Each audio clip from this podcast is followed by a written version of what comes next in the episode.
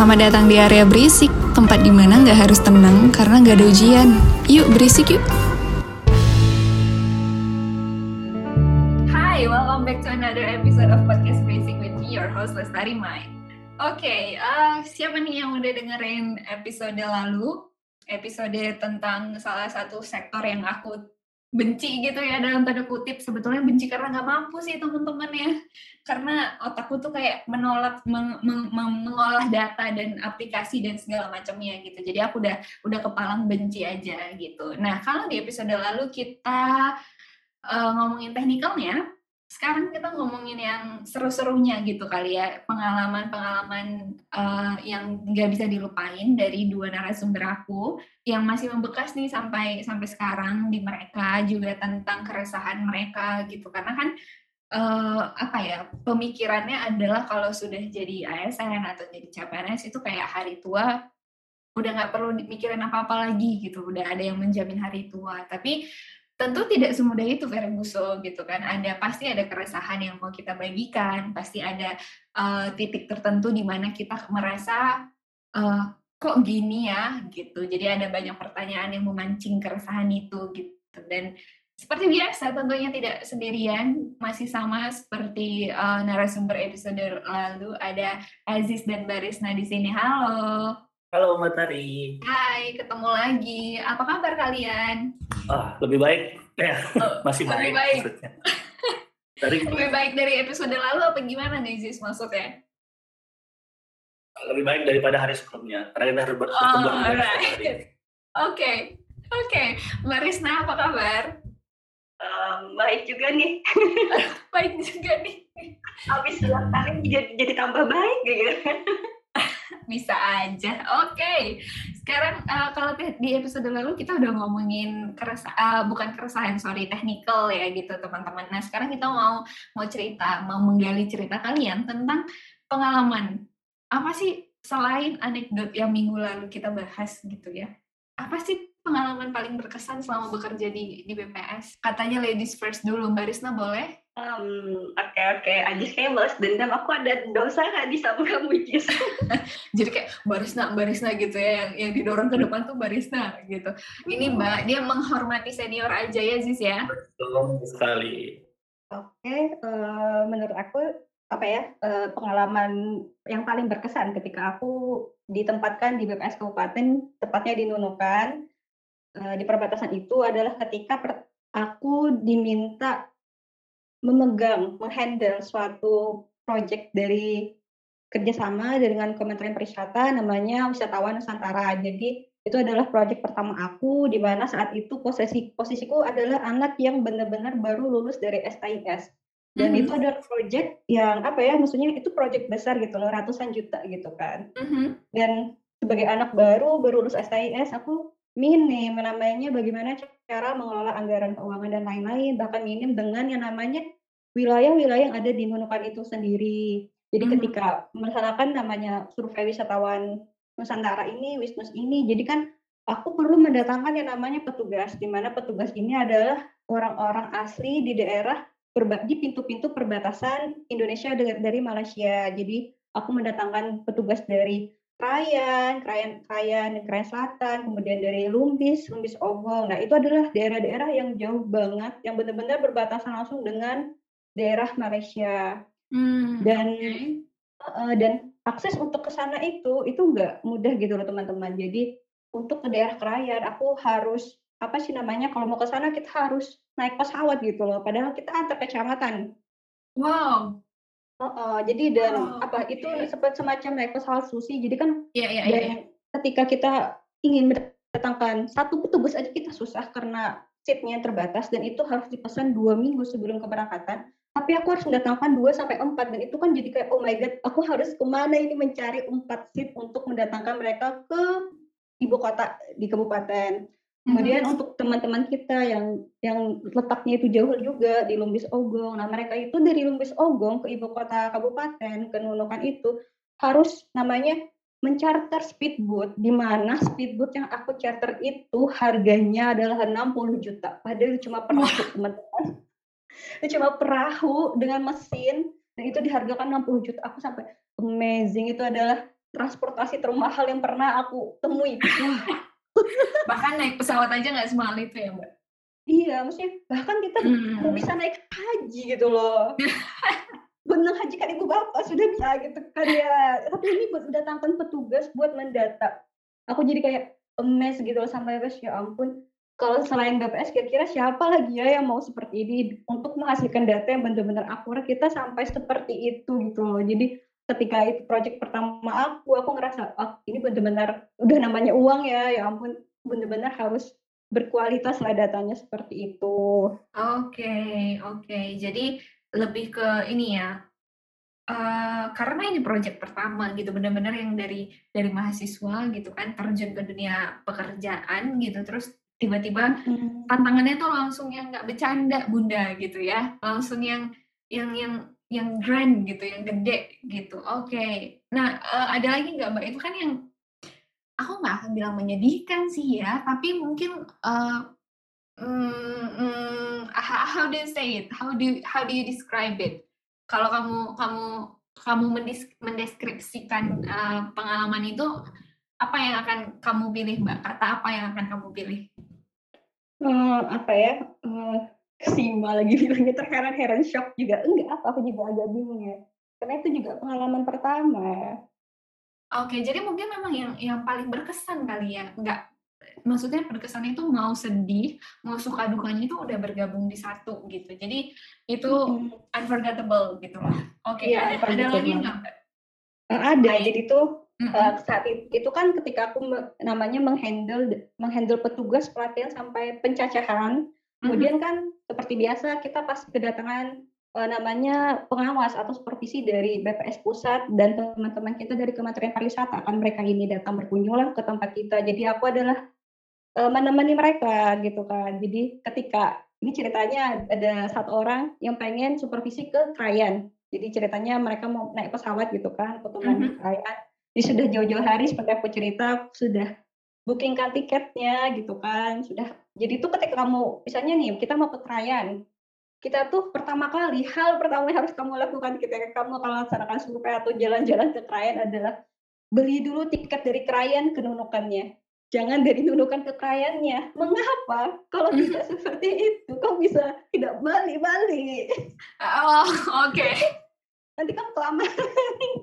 jadi justru harus tiket pulangnya dulu ya, bukan perginya gitu ya. Iya, jadi jadi okay. pasti kan eh, karena gini ya, klien itu kalau kita bayangkan teman-teman kita yang cowok mungkin bisa ngebayang ya. Uh, Naruto, Konoha itu kan gunung semua ya dengan patung-patung Hokage-nya gitu ya. Iya, iya, iya, iya. Terus ada desa di tengah-tengah seperti itulah keren jadi gunung semua terus ada baru ada desa gitu. Itu satu kecamatan, teman-teman. Oke. Okay. Jadi apa uh, bahkan itu pilotnya aja katanya ketika mau ke krayan itu dia udah kayak naik naik ojek naik naik naik bajai gitu tangannya udah keluar jendela seperti itulah. Oh. itu hal uniknya gitu kan di sana. Jadi ketika orang pusat itu datang ingin datang ke krayan udah udah udah aku pastikan udah aku coba koordinasikan dia dari krayannya dulu udah aku dapat dapat nih ya dari keraya terus aku dapat cari lagi tiket dari Nunukan ya udah dapat seatnya. Kan nah besok nih kami ingin berangkat terus udah sampailah aku di bandara sampai bersama beliau kan aku beli itu. Tiba-tiba aku dihubungi sama mbaknya mbak mohon maaf pesawat nggak jadi berangkat. Kenapa? Uh, bilangnya nggak bisa terbang ada kendala teknis. Oh ya ampun. terus dari aku pribadi oh nggak apa-apa mbak alhamdulillah karena kali ini ya ada orang yang gak jadi terbang alhamdulillah. Ya aku bilang alhamdulillah mbak. Rusaknya masih di darat aku nggak kebayang kalau rusaknya di atas nggak ada bengkel. Terus sama sama sama bapaknya bapak-bapak ya itu ya temenin ya nggak apa-apa mbak. Alhamdulillah alhamdulillah. Dibilang itu jadi juga senang gitu. Karena dia okay. kalau rusak di sana nanti saya nggak bisa balik karena pesawatnya cuma itu satu itu gitu loh Oke, oke. Jadi ini itu untuk berangkat, untuk balik juga. Oke, okay. ah oke. Okay. Jadi benar-benar literally satu ya. Aku kira tuh satu kayak ganti-gantian gitu loh. Maksudnya uh, satu dari dari A ke B, nanti yang B ke A tuh beda lagi gitu. Jadi memang benar dari satu tempat ke tempat lain tuh memang cuma satu gitu. Oke. Okay. Iya. Yeah. Nah ini ini aku jadi jadi inget eh, episode aviasi gitu ya teman-teman bahwa uh, narasumber aku tuh mention kayak bersyukurlah ketika masalah itu ditemukan ketika masih di uh, ground gitu masih masih belum take off. Karena kalau udah di atas kayak kata Mbak itu nggak ada bengkel di atas gitu kan. Terus nanti pas begitu nyampe juga misalkan ada yang rusak gitu dalam tanda kutip terus kita juga nggak bisa perbaikin gitu. Jadi hal ini ya uh, blessing in disguise gitu. Jadi ya udahlah kalaupun nggak jadi berangkat yang penting aman gitu ya Mbak ya Iya bener banget. Oke, okay, dan nah ini menarik nih kalau teman-teman perhatiin dari tadi gitu ya obrolan yang Mbak, Mbak Risna, karena kan sekarang lagi di Kalimantan Kalimantan Utara dan tadi dia juga sudah mention kalau uh, berada di perbatasan dengan Malaysia logatnya Mbak Risna pun teman-teman itu tuh udah udah tipis-tipis ke logat Melayu Malaysia. Jadi itu emang emang efek karena sudah terlalu lama atau gimana Mbak? itu kayaknya karena efek kelamaan juga. Terus teman lingkungan bergaulnya juga seperti itu, itu aja ya. Itu iya betul betul betul. betul. Uh, maksudnya apa ya di itu ya maksudnya ketika saya datang pertama kali gitu kan di Nunukan gitu kan terus saya ini ada cerita seru saya mau cerita dikit nggak boleh boleh boleh jadi kan kalau kita mau ke Nunukan kita naik pesawat terus kita uh, turunnya itu di Tarakan. Dari Tarakan hmm. kita ke Nunukan kita naik speedboat. Naik speedboat itu sekitar tiga dua setengah jam atau sampai tiga jam. Jadi ketika saya sampai di Nunukan tuh saya bingung ini di mana kok? Dari jauh tuh saya lihat udah kayak pulau-pulau terus udah sampai kok kayak dermaga tuh kok kayu semua gitu kan. Udah dari tiga jam saya sampai terus udah udah sampai saya tuh ngecek HP waktu itu memang baru-baru lulus dari STS dari Jakarta dan handphone yang saya pakai itu saya ingat betul saya pakainya AM3 dan 3 gitu kan jadi ketika saya buka saya jadi nggak ada telkom sama ini jadi saya buka HP terus kamu kalian tahu nggak sih apa yang saya dapat apa saya dapat SMS dan isinya itu layanan iklan lagu Malaysia, saya kaget, loh kok Malaysia? Oh. Terus saya buka HP saya, di atas di atas layar saya tuh ada tulisan R, Terus saya bingung apa ini? Ya itu ternyata roaming teman-teman dan bahkan sinyal oh, iya. Malaysia tuh roaming, benar-benar sinyalnya Malaysia itu lebih kuat dibanding HP Indosat dan Tri saya. Jadi tuh benar-benar Indosat dan Tri nggak ada sinyal sama sekali dan bahkan masuk sinyalnya Malaysia namanya Max. Jadi waktu itu aku bingung, Hah, ini emang di mana aku ditaruh di mana ya Allah gitu kan sampai sampai apa ya bahkan sampai aku kayak uh, lihat ketika aku pencacah gitu kan ke rumah-rumah warga itu tahu nggak sih channel TV ditonton teman-teman gitu. Dia satu bukan channel Indosiar tapi Malaysia. Oh my god aku jadi aku nanya mbak ini bayar? Gitu enggak katanya. Cukup bayar apa beli antena aja tuh sinyal apa channelnya Malaysia masuk nggak kata gitu. Oh my god segitunya banget kah gitu kan. Tapi itu tuh emang dekat-dekat banget gitu kan. Kayak kita ngeliat aja gitu dari mata. Mungkin kayak Batam Singapura kali ya iya iya iya iya, iya. oke. Dia sampai nggak dapet. Aduh ya padahal dia masih di Indonesia tapi dia harus yeah. menggunakan data roaming teman-teman. Kasihan ya. Akhirnya sekarang ganti ganti provider nggak bun? Eh, ganti Telkomsel. Terus kan ganti beli di sana. Aku kira bakal baik-baik aja. Ternyata ketika hujan ketika mati lampu itu nggak ada sama sekali oh ya ampun bahkan uh, provider kita kan yang Telkomsel lah ya anggap di mana-mana yang paling bagusnya juga ketika mati lampu hujan itu nggak ada sinyal guys dulu ya ketika aku kalau sekarang udah Mungkin karena aman. adanya yang aman, mungkin karena tadi udah dilaksanakannya banyak survei dan lain-lain, mungkin sudah ada kerjasama juga kan, karena kerjasamanya juga saat ini kerjasama dengan Telkomsel, jadi mungkin udah banyak dipasang tiang-tiang ini dari Telkom aku lihat sih sudah di tempat sana gitu, okay. udah lebih baik. Oke, okay, gimana kalau episode ini kita ubah namanya gitu ya, Mbak? Jadi cerita ini kali ya, perbatasan aja kali ya. Aziz nggak usah kita undang, gimana, Mbak? Oh, langsungnya setuju tapi disautin teman-teman artinya enggak dalam dalam kata lain kayak oh dibikin episode baru agak ngelunjak ya sekarang ya. Jadi mintanya justru episode baru. Oke itu itu cerita soal pendalaman. Sebegitu kerasanya gitu perbedaan. Tapi memang kalau cerita di daerah perbatasan akan punya cerita sendiri sih yang yang mungkin kita nggak bisa compare apple to apple gitu dengan kita yang tidak yang kita dengan kita yang berada di kota besar gitu. Tapi karena Mbak Risna sendiri yang mengalami itu jadi bisa relate banget dan bisa di share ke kita. Dan kita jadi akhirnya punya gambaran oh ternyata se semiris itu ya gitu dan se kalau kalau sekarang mungkin bisa ditertawakan ya Mbak Risna tapi dulu kayaknya patah hati nggak sih Oh, dulu aku menye sedih banget. Iya pasti ya, pasti akan sedih udah, banget. Udah, udah, udah apalagi, apalagi internet ya, aduh aku nggak ngebayangin tuh gimana. Iya, udah betul, jauh, di peta nggak kelihatan gitu kan. Sinyalnya Tidak kelihatan. Oke, jadi itu cerita selama di perbatasan. Nah, kita sekarang ke ke narasumber uh, narasumberku yang satu lagi gitu ya. Kamu tuh nggak di uh, kamu tuh nggak di perbatasan ya Zis ya, tapi di daerah yang kalau ngomong tuh ya nggak bisa solo guys. Gimana Zis? Coba ceritain dong. Apa suka dukanya? Apa pengalaman yang paling ber- berkesan yang yang kamu rasakan selama bekerja di BPS? Oh ya, sebenarnya untuk di daerah aku kan itu daerah Tapanuli Selatan namanya. Kalau teman-teman daerah Mandailing Natal kali ya kalau Mhm. atau kota Patuan gitu ya. Yang memang karena barangkali saya asli Sumut dari Bogor Center, jadi kalau yang ini benar memang logatnya eh, cukup cukup tinggi gitu untuk orang-orang yang biasa.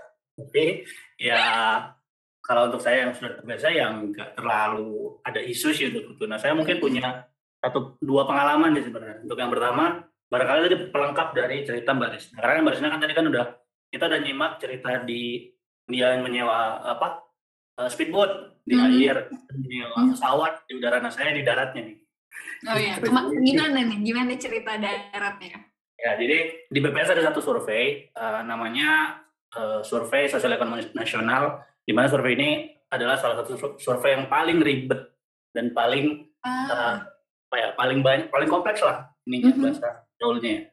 di untuk untuk dicacah gitu ya. Nah, jadi eh, kebetulan waktu itu saya em, kalau nggak salah baru penempatan di sini juga. mhm. Jadi saya ke satu kecamatan di Kabupaten Tabur Selatan namanya Aibi lah kalau Mbak Tari tahu. Itu kecamatan yang benar-benar paling ujung dan di sana itu nggak ada sinyal sama sekali. Eh, bahkan di pusat kecamatannya juga nggak ada sinyal. Bahkan orang-orangnya eh, itu semuanya itu nggak ada yang pakai PLN listrik PLN, pakainya lampu teplok atau pakai genset seperti itu. Nah, Mhm. jadi eh, ya saya ras eh, awalnya kan eh, saya juga memang belum pernah gitu ya ke sana pengawasan. Nah, kemudian di satu momen pengawasan lah diajak mitra. Oke lah, sendiri saya dari kantor Mhm. sesuai. Memang semua dibekali dibekali apa ya kalau katanya uang perjalanan gitu ya dari kantor. Nah kemudian ternyata treknya itu eh, ke sana itu nggak bisa kan saya pakai motor bebek ya. Nah nggak bisa ternyata. Jadi ngelewatin juga benar-benar eh, jalan berbatuan dan eh, nanti itu pun belum sampai desanya gitu loh. Ada satu desa yang jadi dari kantor ke sana itu butuh waktu sekitar tiga jam Mhm. naik Wow. Kemudian dari sana ke atas namanya ada gunung-gunung gitu. Jadi saya tuh mencaca orang Nias gitu. Nah kalau teman-teman tahu suku Nias itu adalah suku yang suka sekali berpetualang. Jadi mereka tuh suka banget eh, ngebuka foto lahan di hutan atau di perbukitan gitu di Sumatera Iya, Utara iya, ini. Aha, aha. Dan juga ada satu desa eh, yang ada di Kecamatan Nagbila itu dari kantor kan tiga jam, kemudian naik motor trail. Mhm. harus naik motor trail lagi dan itu motor trailnya nggak kita yang naik tapi ditarik rantai gitu. Jadi kita naik Oh. rantai karena memang jalurnya eh, apa ya sangat sangat susah sih kalau dilewati. Dan itu juga sekitar 40 menit naik motor trail. Itu juga belum sampai. Jadi kita harus jalan lagi sekitar 10 sampai 15 km sekitar satu setengah jam kalau nggak salah saya sampai dua jam lah Oke, jadi lima jam in total. Yes, betul. Jadi saya itu berangkat dari jam 8, kemudian sampai jam 1 kalau nggak salah. Eh, jam 2, jam 2 sore. Nah, dan itu harus jalan kan, harus jalan lagi.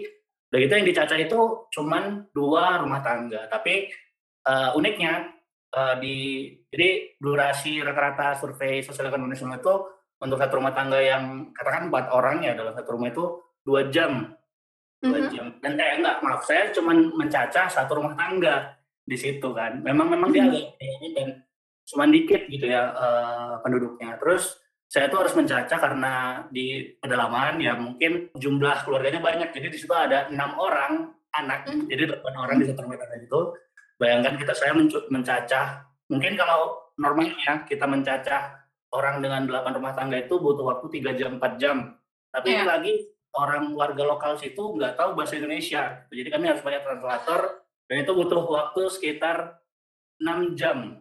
Jadi dari jam 3 sore sampai jam 9 malam saya mencacah satu rumah saja. Itu untuk mendapatkan satu rumah tangga. Jadi kayak dan itu harus nginep lagi karena apa? Karena ketika itu jalannya hujan, jadi malam uh-huh. itu udah hujan, jadi nggak mungkin lagi kami balik karena jalan nggak bisa dilewati. Uh-huh. Kemudian ya besoknya kami kan udah reda nih hujannya.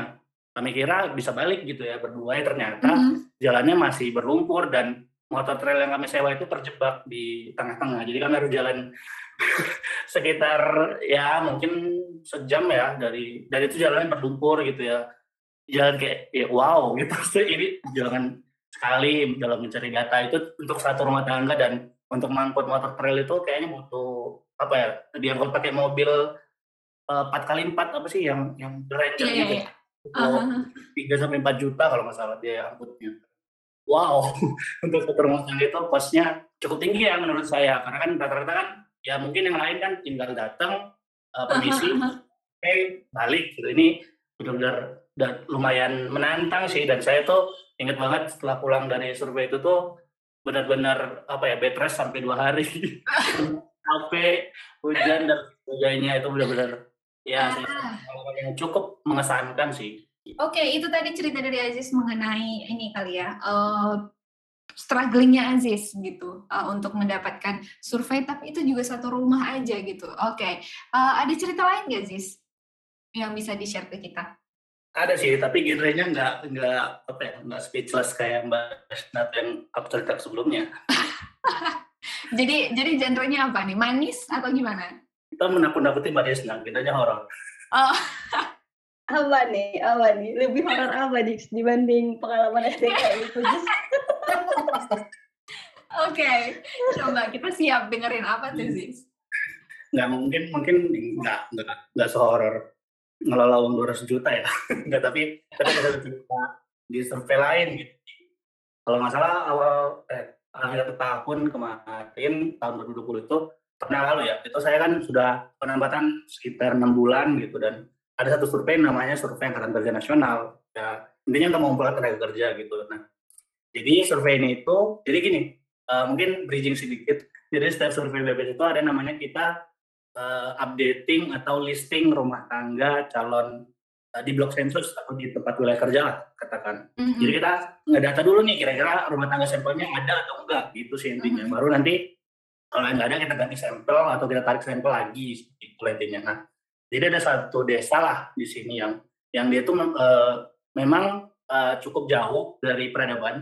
Jadi dia harus masuk kayak dari jalan raya itu sekitar satu setengah jam. Kemudian hmm. memang jalan, uh, desanya tuh di bukit gitu, jadi tinggi. Terus uh, ya memang apa ya, memang jarang-jarang sih rumahnya dan kebanyakan itu memang pohon-pohon hmm, apa ya, pohon-pohon hutan gitu sih hmm. sebenarnya. Hmm. Cuman ya ada rumah lah, ada desa, ada dusun di situ. Nah jadi waktu itu pengalamannya saya updating atau ya updating kan itu kita mendata tiap rumah-rumah ada nggak sih uh, rumah tangga di situ dan dan apa ya dan pendidikan kepala rumah tangga jadi singkat aja saudara satu rumah cuma dua menit yeah. nah, iya. jadi ada satu momen kita melisting terus kita ketemu di tengah-tengah itu mm-hmm. uh, satu rumah jadi dia itu kan ada kita uh, menomori kita setiap updating itu menomor, membuat nomor setiap rumah gitu ya. Jadi uh-huh, uh-huh. kiri nomor dua, eh nomor satu, rumah yang tengah nomor dua, rumah yang kiri yang kanan nomor tiga gitu. Nah jadi ada satu rumah ini tuh dia di tengah-tengah gitu. Jadi ada ada dua rumah yang agak jauh, tapi rumah itu yang nomor dua katakan itu di tengah-tengah. Kita updating lah kan, kita ketuk, ketok ya seperti biasa mau mau data dan lain-lain. Nah terus dibuka langsung pemilik rumahnya. Nah, kami tuh waktu itu berdua ya sama HL saya juga cowok, tapi masih muda memang masih baru lah. Mm-hmm. Nah, dan dan dia nggak tahu daerah situ gitu. Jadi mm-hmm. ya, wajar gitu kita kita tahu. Nah, terus kita data, kemudian ya kayak biasa gitu kan nanya-nanya. Nah, di waktu ngedata itu uh, kan uh, sebetulnya saya juga suka merhatiin orang gitu kayak ngedata tuh kok mukanya kosong gitu. Jadi tatapannya kosong maksudnya. Kosong ya maaf. Tatapannya kosong kayak pucet seperti itu kan. Nah, terus kayak ditawarin minum atau makan lah. Terus kayak karena udah udah mau apa udah mau maghrib kalau nggak salah nggak jadi gitulah karena ya apa ya ya udah udah terlalu malam pulang lah. Nah, dan di situ tuh saya merasa hawanya jadi kan di atas itu kan dingin gitu ya. Karena karena keras di bukit tapi di rumah itu kayak panas gitu kayak gerah lah tau kan perasaan gerah perasaan nggak nyaman aja gitu nah terus baru kita kan udah mengumpulkan semua eh, rumah tangga betting kita tarik sampel dan kebetulan rumah ini itu menjadi salah satu sampel yang yang akan diwawancarai gitu intinya di survei itu Nah, Mhm. barulah kami kan, saya juga pengawasan namanya di sana lagi. Karena pas kami kan kami kan berdua nih. Oke. Terus pas datang ke sana, ternyata rumahnya nggak ada. Hah? Kami menemukan rumah nomor satu sama nomor tiga, tapi tengah-tengahnya nggak ada nomor dua gitu. Kayak, ah, Terus kan kayak, eh katakanlah namanya X gitu kan, Bapak X. Terus kayak, ah, kami tetap-tetapan, nah oleh nggak percaya kan kayak, emang benar, em- emang nggak tahu bang rumah ini, apa sih nggak tahu harga ini gitu. Terus nggak tahu dan dan kebetulan kami sebelum itu memang nggak nanya ke kepala desa, kami kepala desa lagi pergi lah. Mhm. Kayak, Terus kami lah tanya ke, ke rumah sebelah, nanya, "Eh, Bu, eh, yang- ya koresponden yang lainnya gitu, Bu. Mau tanya dong Bapak AX ini, eh, kok rumahnya nggak ada ya? Apakah nanti pindah atau gimana? Terus, ah, kok Bapak X gitu kan? Terus, emang emang Mas ketemunya kapan gitu kan? Kalau nggak salah minggu lalu kan, hari Jumat atau hari Kamis gitu. Loh, oh iya, Bapak itu tuh udah meninggal dua tahun lalu. Terus, dan ketika kami cek recheck kembali ternyata 10 meter dari rumah yang kami ingin yang kami duga rumah itu ke sana itu kuburan. Dan nama bapak itu beneran kayak ah, wow. Terus saya kayak bingung kan kayak ah ini udah jadi sampel gitu. Terus, ya udahlah ganti. Itu kayak that's a Oh. horrible. Orang terus gimana kayak Yang yang kamu takutin itu bukan baris naris exist, tapi aku nih sebagai nggak apa-apa apa lihat malam minggu kan cukup seru gitu ya untuk itu sih yang itu jadi pas di saya gitu. Oke, jadi ini nggak cuman ini nggak hanya sudah sekedar lintas negara teman-teman, lintas dimensi loh ini. Ini kalian sudah tidak berada di- dimensi yang sama gitu dan kamu ngobrol, kamu di disuguhkan makan dan minuman gitu. Eh, kamu sekarang napak kan kakinya Ziz ya? Ini kita ngobrol ada bukti kan? Lumayan. Walaupun ini di record sih, jadi mungkin nanti pas dicek recordingnya kamu akan ada kan Ziz? ya semoga kelihatan sih di dimensi kalian Oke, wow. em, ceritanya ini nggak nggak sangat amat unexpected ya. Aku tidak tidak eh, tidak menyangka sama sekali akan ada cerita ini gitu di di podcast karir loh ini sih bukan daily talk gitu. Oke, oke itu uh, that's a very unexpected story that you could hear uh, from a statisticians gitu. Jadi em, kita bisa kali ya move on ke topik selanjutnya Isis. Nanti kalau teman-teman dengerin di malam hari tuh pada ketakutan gitu loh. Gitu. Kalau aku sih bisa-bisa aja. Khawatirnya tuh para pendengar nih yang nanti ketakutan gitu. Oke, jadi kita pindah ke mungkin kita akan sharing tentang keresahan keresahan teman-teman gitu. Em, kalian berdua pindah dari satu kota ke kota lain, provinsi ke provinsi lain gitu. Terus juga berkenalan dengan banyak orang, budaya juga, bahasa juga tadi gitu. Jadi pasti banyak banget yang harus di-tackle gitu selama proses adaptasi kalian dari perpindahan satu ke per- perpindahan lainnya. Nah, itu kan dari sudut pandang yang ya masih bisa dikira-kira lah gitu. Nah, tapi kalau dari kalian sendiri apa sih eh, secara personal yang yang yang kalian rasakan gitu kekhawatiran kalian, ke concern kalian entah tentang pekerjaannya atau juga tentang pribadi kalian sendiri selama selama menjalani eh, roles ini gitu. Mungkin dari Mbak Risma boleh? Kalau dari aku ya, mungkin gini kali ya, eh, karena sebenarnya kan kerjaannya BPS juga itu lagi, nanti nanti itu lagi, mungkin lebih kepada bosan, jenuh gitu loh. Terus Ah, juga oke. karena, Heeh, terus juga karena sumber dayanya juga sedikit, jadi itu kan kadang kita itu kayak kerja kok overtime itu ya sampai lembur-lembur gitu kan. Jadi tuh kadang tuh aku mikir kita tuh perlu awareness ya gitu ya buat diri kita sendiri kadang sehingga tuh kita kayak perlu sesuatu yang ngebalancing gitu loh jadi nggak cuma harus Mm-mm. kerja kita harus punya hobi gitu kan minimal Mm-mm. apa ya seperti olahraga, entah jogging atau apa seperti itu. Jadi kita harus punya pengalihan lah biar tetap bisa kembali lagi gitu, segar lagi seperti itu. Kalau dari aku pribadi sih.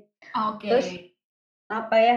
Seperti yang sudah aku ceritakan sebelumnya tadi, daerah Kaltara itu kan daerahnya ya memang perbatasan gitu kan ya. Mhm. Eh, dari segi gimana ya? Bayangin aja coba teman-teman mungkin di daerah Jawa mungkin beli air galon aqua mungkin sekitar harga berapa sekarang? Dua puluh ribu.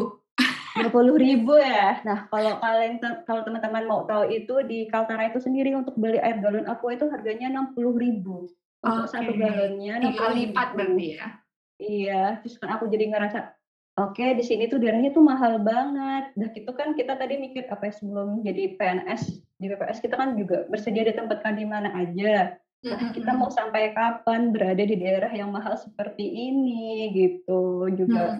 Karena semuanya serba mahal kan juga dari segi transportasi dan apa pun juga pasti mahal dari segi makanan, dari air minum gitu kan. Bahkan di sini makanan itu nggak ada harganya 5.000. Di sini minimalnya 25.000 untuk sarapan pagi seperti itu. Wow, sarapan pagi dua puluh lima ribu ya. 25.000 sih nasi kuning atau nasi pecel 25.000 bayangin aja gitu kan sementara gaji kita itu sama seluruh Indonesia kita nggak ada tunjangan yang lain gitu loh. Ah, iya betul betul betul betul betul. Oke. Mm-mm. Oke. dari segi akses juga sama belum lagi apa ya eh, dari culture shock tadi ya dari ah, ah, ah, ah. dari pertama kali datang seperti itu tadi ketika datang loh kok ini orangnya Indonesia semua tapi kok cakap-cakapnya makci pakci makci pakci minyak makan lah belilah pergilah kau beli minyak makan. Banyak alasannya sepasar aku mikir apa minyak makan? Gitu kan. Ternyata itu adalah minyak goreng. Aku bingung apa itu paci-maci minyak makan? Gitu kan. Ternyata itu adalah Ah, minyak goreng. Aku bingung bahkan masyarakat sana tuh udah pakai bahasa Melayu gitu kan. Iya jadi iya iya iya.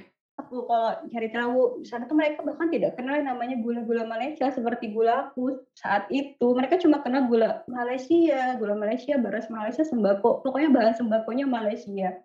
Bahkan ketika aku mencacah ya waktu itu ya jadi bulan puasa aku mencacah. Mhm. Terus kan bulan puasa dan dia lagi sholat Jumat gitu kan. Jadi Mhm. sholat Jumat aku ba- balik lah kan istirahat ke hotel. Terus aku dengerin nih khutbah nih di masjid kan kebetulan dekat ke masjidnya sama hotel. Mhm. Itu ketika dia nyebutin sumbangan jadi bapak ah, aku kurang ngerti ya kan dia pakai agak pakai bahasa Melayu yang aku tahu ini. Jadi bapak-bapak ibu-ibu sumbangan yang sudah masuk untuk hari ini adalah misal misal ya lima ratus ribu rupiah dan sekian ringgit gitu kan. Jadi tuh pakai ada ringgit aku bilang "Hah, Ah, ada ringgitnya juga. Aku mikir kan. Oh jadi iya, mata uangnya juga pakai mata uang Malaysia. Duanya berarti gitu ya. dua-duanya di sana. Jadi kan sampai kok "Ah, emang ringgit juga dipakai di sini gue pikirkan terus sampai akhirnya aku lanjut lagi kan men- dalam mencacah lagi ketika itu. Terus aku kan mau buka puasa nih aku beli lah Hmm. kan ke market di sana. Aku beli nih Milo Milo Milo cerita Milo Hmm. itu bu- bukan Milo Indonesia Milo Malaysia semua bahan makanan sana bahkan dari peralatan makan di Malaysia. Terus kita aku beli aku tanyalah berapa kasih lah uang? Kan berapa sepuluh ribu? Terus dikasih sama kembalian sama kasirnya itu ada uang ringgit. set Oh. oh. gitu jadi aku bilang, ini dipakai di mana sampai akhirnya aku cerita kan aku sama eh, mitra aku sana ini uangnya buat apa bilang dipakai di mana Hmm. Lah mereka di sini mah tidak kenal itu dulu namanya makanan Indonesia kita tidak kenal uang rupiah kita taunya uang ringgit dia bilang gitu loh Oh Ya ya ampun. ampun jadi tuh kalau istilah teman-teman kita di sana ya di dadaku Indonesia katanya. Di perutku itu Malaysia. Terus aku jadi Ah, oke. oke baik. Oke, itu cukup ini ya. cukup itu iya. Bahkan apa ya bahkan ada rumah nih. Kalau kalian teman-teman tahu di Sebatik ada yang namanya Pulau Sebatik ada sebuah rumah. Itu tuh rumahnya itu kalau aku kata itu ada rumah terpanjang di dunia kenapa karena depannya adalah Indonesia belakangnya Malaysia jadi aku bingung bayangin aja apa statusnya itu depan ini Iya iya iya iya iya betul betul. Nah ini cerita-cerita yang seperti ini tuh dulu aku sering dengerin jadi dongeng gitu loh dalam tanda kutip mbak. Jadi aku nggak percaya ini ada gitu. Apaan sih di depan Indonesia, belakang Malaysia? Eh, maksudku tuh aku nggak ke capture gitu. Apa apa yang terjadi gitu. Tapi ternyata it's it's ada nyatanya gitu ya, ada wujud Iya. nyatanya dan ini kalau mau ditarik lagi gitu apa ceritanya, alur ceritanya itu akan sangat berpengaruh tadi juga uh, seperti yang Mbak Mbak Risna mention kalau ya di dada boleh Indonesia gitu, tapi yang mengenyangkan perut gitu, ya itu bukan Indonesianya gitu kan. Mm-mm. Jadi itu ini ya concern concern terbesar gitu. Kayak kita nggak tahu gitu ada ada banyak pihak yang ambil andil gitu dalam cerita ini. Kenapa cerita ini akhirnya ada kenapa harus di- dirasakan itu banyak pihak yang ambil andil tapi satu yang pasti setelah uh, bekerja di BPS akhirnya Mbak Mbak Risna juga jadi kebuka gitu ya ininya kali ya. Bener, iya, bener. cakawalannya gitu Ya, kalau jadi jadi lebih luas gitu. Kayak dulunya kan kalau aku kan darinya Kalimantan Selatan. Kayak aku tahu Mhm. Kalimantan Selatan seperti ini. Terus aku akhirnya kuliah ke Jakarta. Oh, oke aku ke metropolitan kan ya. Dengan segala anak ibu kota nih anak gitu ibu ya. kota nih kan sekian tahun kan berapa tahun ya? 17 tahun di Kalsel 5, tahun sampai 6 tahun di Jakarta. Eh aku ke sini ke Ketara aku bingung gitu. Padahal masih Jadi- sesama Kalimantan gitu. iya sesama kan ada ya daerah yang kayak gini gitu. Kan aku baru tahu oh my god berarti dulu aku hidup di Kalsel masih lebih mendingan gitu kan. Ternyata teman-teman sini juga menyedihkan gitu kan. Bahkan anak-anak SD di sana bahkan tuh pergi membentang. Kalau membentang tuh apa ya? Aku bingung dulu kan ya. Pergi ke mana bu? Anaknya membentang. Pergi membentang gimana bilang. Oh aku bingung? Apa terus dicerita diceritain sama mitranya? Mbak itu maksudnya anak-anak di sana. Anak-anak kecil anak-anak SD Ah. itu udah putus sekolah. Mereka malah memilih untuk pergi mencari uang dengan mengikat rumput laut Jadi tuh Ah, miris gitu loh teman-teman jadi iya, iya, tuh iya. jadi, Jadi- mereka iya jadi ke sana Jadi kalau kalau ditarik lagi juga gitu ada banyak sektor yang akhirnya jadinya nggak ngomongin BPS nanti gitu ya. Mungkin lain kali kita Mm-mm. bisa ngobrolin itu kali yang Mbak Risna ya. Mau ya kalau diundang ke berisik lagi ya. Mau kok. Oke, ada yang nyaut Mbak minta ditanyain. Yuk kita tanyain. Jadi gimana sih? Jadi apa nih keresahannya? Kan kan kamu dari pemantang siantar ya tadi udah di-mention lah ya kalau mengenai logat itu masih bisa dihandle gitu. Tapi apa sih keresahan yang yang kamu rasakan gitu? Yang yang sekiranya itu jadi bukan jadi beban pikiran tapi ada concern gitu di di hati dan pikiran kamu. Oke, eh, kalau aku sih mungkin sebagai seseorang yang sendiri, aduh, lama banget. Nggak, maksudnya ya sebagai sipil negara dan ya eh, barangkali penempatan di BPS itu kita itu jadi ada ada ada apa ya? eh, sering sekali kalau di daerah saya, ya mungkin saya nggak nggak nggak punya isu seperti Mbak Risna yang mungkin Mhm. udah nasionalisme dan lain-lain. tapi barangkali ini isu banyak teman-teman eh, mungkin teman BPS gitu ya yang khususnya masih muda itu kan nanti akan mengalami banyak sekali mutasi, promosi dan perpindahan dan lain-lain gitu Iya, kan. iya. Baik antar eh, kabupaten ataupun antar provinsi gitu. Nah, Mhm, jadi eh, barangkali isu di saya itu mungkin ada ketakutan sendiri gitu gimana sih nanti saya berkeluarga gitu sih intinya. Maksudnya Hmm, ya, Oke oke. relasi Pikiran masa depan ya. Hmm, gitu. Sesimpel nanti pendidikan anak saya bakal terganggu nggak ya gitu sih banyak kan karena, karena mungkin bisa jadi saya pindah-pindah gitu. Makanya saya mungkin secara pribadi gitu ya ini nggak nggak me- mewakili siapa-siapa itu saya agak kurang sepaket atau agak kurang bisa mengikuti anekdot BPS yang di episode sebelumnya yaitu Biro Perjuangan Sekantor atau Oke. mungkin udah punya concern untuk untuk punya calon pasangan sesama BPS karena ya saya apa ya eh, saya khawatir aja gitu misalnya nanti ketika akan eh, mutasi akan akan sulit gitu kan. Apalagi Mhm. kalau biasanya kalau BPS itu bukan berarti nggak ada konsekuensi gitu ya. Nanti bisa aja nanti keduanya dipisahkan gitu.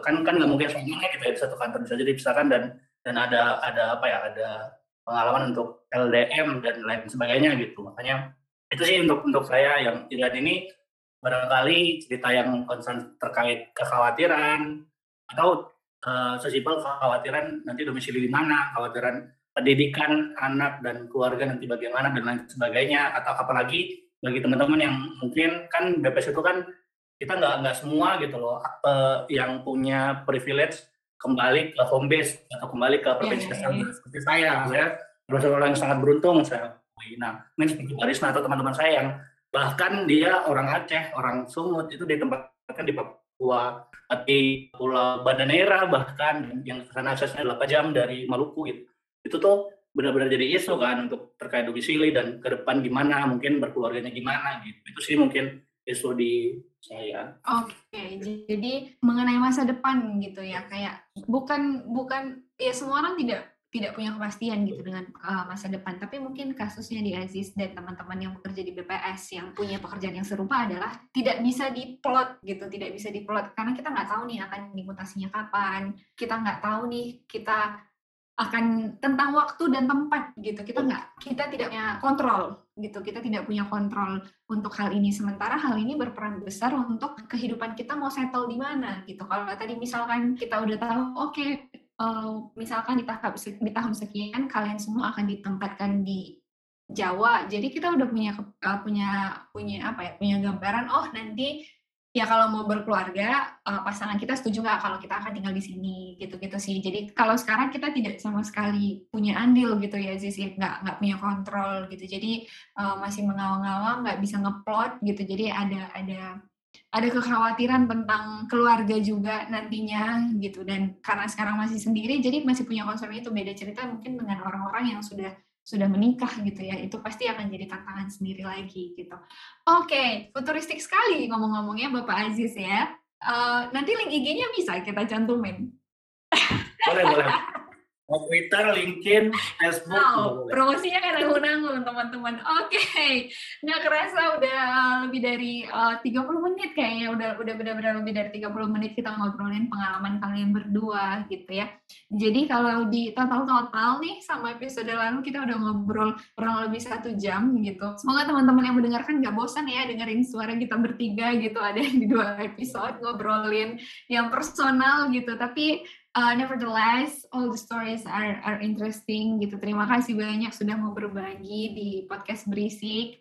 Uh, terima kasih sudah mau membuka sudut pandang kita dengan cerita kalian gitu. Kita mungkin tidak merasakan ini ya strugglingnya apa yang dirasain Barisna, apa yang dirasain Aziz, tapi at least kita jadi lebih mengerti gitu. Kita punya understanding bahwa semua orang tuh ngelakuin hal yang mereka harus kerjakan kok gitu. It's, it's just a matter of time gitu. Mau kalian demand yang setinggi apa pun, mungkin buat teman-teman yang butuh data statistik gitu kan. Tapi ya uh, jangan khawatir, mereka mereka tetap mengerjakan pekerjaan mereka dengan uh, limitasi yang ada gitu. Jadi thank you very much for um, Mbak Rizna. Thank you for uh, for being here also Aziz. Terima kasih sudah sudah mau berbagi seperti yang tadi aku sudah sebut, jangan kapok untuk diundang lagi di podcast berisik. Kita ngobrol-ngobrol lagi, lebih banyak lagi. And for now, uh, I thank you guys for listening also. Terima kasih sudah mendengarkan. Uh, and I'll see you guys on the other episode. Bye-bye. Bye-bye. Bye-bye.